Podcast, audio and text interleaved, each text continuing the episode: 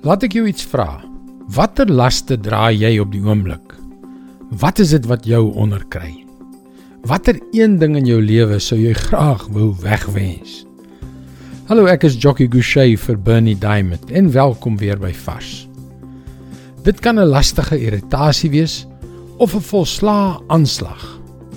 Nou ja, wat doen ons daaraan? Ons bid tot God. God verander dit. Maak dit reg. Laat dit verdwyn. Here, waarom luister U nie na my nie? Waarom neem dit so lank?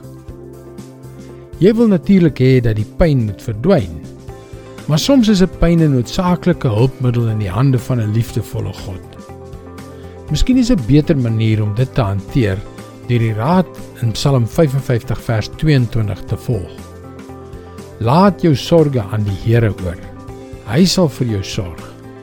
Hy sal die regverdige nie in die steek laat nie. Het jy al ooit daaraan gedink dat die woord sorge letterlik beteken dit wat hy in jou sorg geplaas het? Met ander woorde, voordat ons toelaat dat ons sorges ons platvee, het ons twee opsies. Ons kan God vra om die sorges weg te neem Maar dan weet ons nie of dit wel sy wil is en of dit nou die regte tyd daarvoor is nie.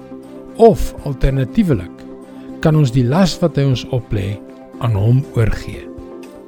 Ons kan dit oorgee aan hierdie God vir wie niks te veel is nie. Hierdie God wat jou onvoorwaardelik liefhet, wat vir jou sal sorg, wat jou nooit in die steek sal laat nie.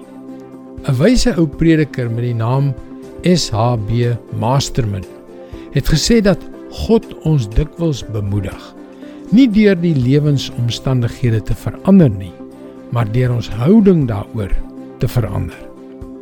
Soms is die rede waarom hy daardie las op ons gelaai het om ons te verander op die manier wat slegs 'n las kan. Laat jou sorges aan die Here oor. Hy sal vir jou sorg. Dis God se woord. Vars vir jou vandag. As kinders van God het ons in die lig van dinge wat dreig om ons omver te werp, die volste reg om ons vertroue op hom te stel. Ja, dis reg. Dis presies wat hy wil hê ons moet doen. En gaan gerus na ons webwerf varsvandag.co.za waar jy baie opbouende vars boodskappe sal kry.